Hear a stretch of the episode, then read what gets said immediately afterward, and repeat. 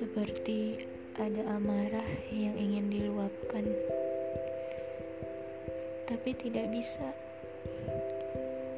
Seperti ada hentakan batin yang dahsyat, menyerukan untuk terbuka. Ada apa diriku? Kurangkah aku memperhatikan diriku sehingga aku gelisah?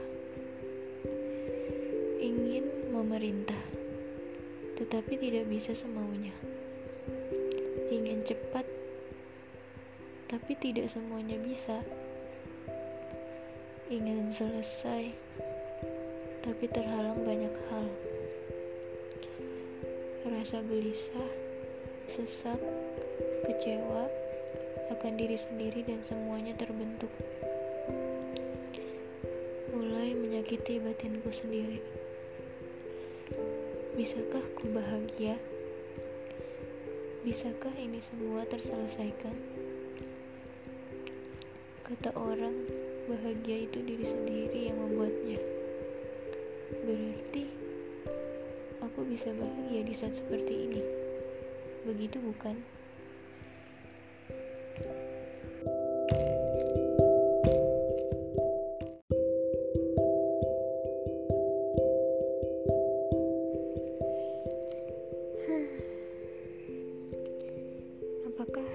Tahu apa yang kurasa saat ini? Sesak di dada, seakan sulit bernafas. Batin dan otakku bertanya, mengapa bisa seperti itu? Mungkin karena aku terlalu sering berbaring, rebahan di atas kasur purple kesukaanku. Tidak ada yang istimewa hari ini. Hanya menghabiskan waktu untuk diriku sendiri dan memberi makan jiwa yang sepertinya kelelahan akan semua ini.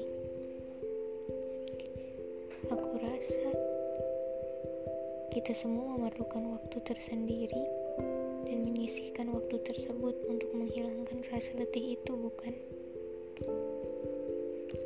Aku bukan kabur, hanya menghindar sementara, menenangkan diri agar bisa kembali berpikir jernih dan mulai membuat keputusan dalam menjalani hari. Tidak apa-apa jika kalian tidak mengerti apa yang aku bicarakan saat ini. Aku hanya ingin mengutarakan saja lewat ucapan agar terasa lebih lega. Jika tidak bisa membicarakannya dengan teman, tulis atau utarakanlah kepada dirimu sendiri apa yang kamu rasa. Aku rasa itu lebih baik dibanding tidak sama sekali. Segera ambil pena dan kertas atau mulailah berbicara dengan alat perekam di gawaimu. Semoga harimu lebih baik. Doakan aku untuk semangat menjalani hari.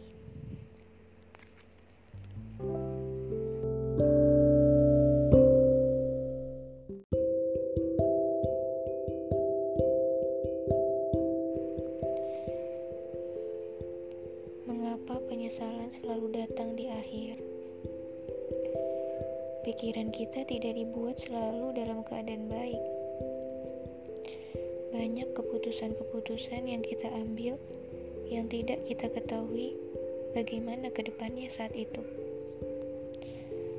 Apakah ini keputusan yang baik atau malah mengacaukannya? Tetapi setiap hal yang hadir di hidup pasti ada penyebabnya. Begitupun dengan keputusan yang kita ambil. Apa pun pilihannya, keduanya sama-sama memiliki jalan terjalnya masing-masing. Apa pun keputusannya, tetap saja kita sendiri yang harus menjalaninya, mengikuti konsekuensi dari pilihan yang kita pilih. Suasana hati dapat menjadi tidak baik bila terus memikirkan penyesalan. Otak pun akan bekerja demikian, menjadi lebih rumit karena berurusan langsung dengan hati. Apa yang akan kamu lakukan jika dalam suasana hati tersebut? Haruskah melakukan hobi yang menyenangkan untuk melupakannya? Atau terus merefleksi diri dan mencoba jalani hidup saat ini dengan sebaik mungkin? Bantu aku